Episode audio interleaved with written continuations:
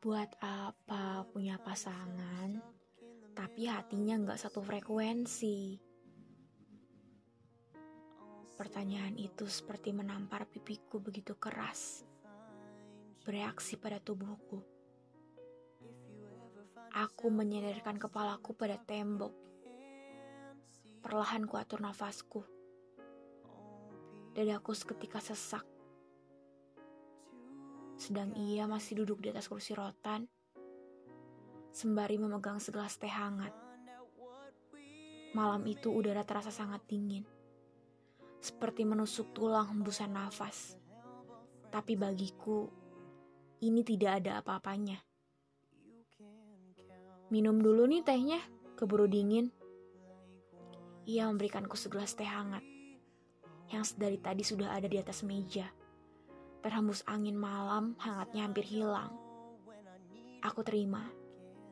Kuhirup segelas teh dengan perlahan.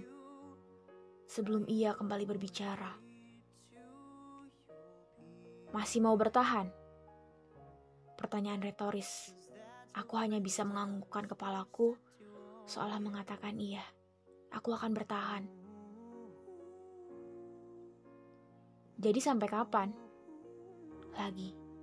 Pertanyaan retoris lagi. Kini ku jawab. Kita udah berjalan jauh, saling beriringan dengan waktu yang panjang. Tapi kali ini kau tersenyum, seperti mengejekku. Kalau nyatanya kalian saling beriringan, kenapa akhirnya kamu berjuang sendirian? Pertanyaan itu keluar dari mulutnya tapi terasa pahit untukku. Aku tidak mau menerima kenyataan bahwa hatiku saat ini hancur. Aku hanya bisa menundukkan kepalaku, berpikir tentang berjuang, berjuang, dan berjuang. Semua itu sulit. Dia dulu gak gitu kok. Aku yakin dia bisa berubah kayak dulu lagi.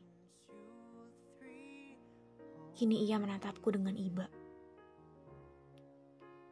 Rasa itu gak akan pernah ada yang pasti.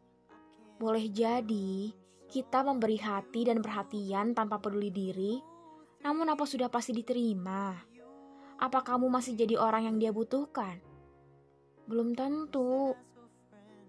Waktu yang panjang bukan jadi alasan yang tepat untuk kamu bertahan. Buat apa kalau yang lama kita cintai tak lagi memahami? Atau sekali lagi, yang sesungguhnya penuh rasa di hati telah mengasingkan diri. Untuk apa dipertahankan? Aku masih menunduk mencerna ucapannya.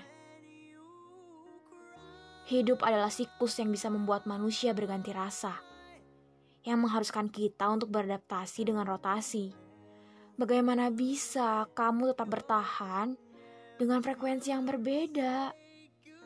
Bukan cuma kadar perasaan yang harus sama, tapi juga cara berpikir dan prinsip harus sama. Latar belakang kita berbeda. Ya, karena dua kepala manusia pasti mempunyai latar belakang yang berbeda, dan itu sulitnya yang sangat luar biasa. Kau tahu, itu dia yang akan menentukan apakah kalian berada pada frekuensi yang sama atau tidak.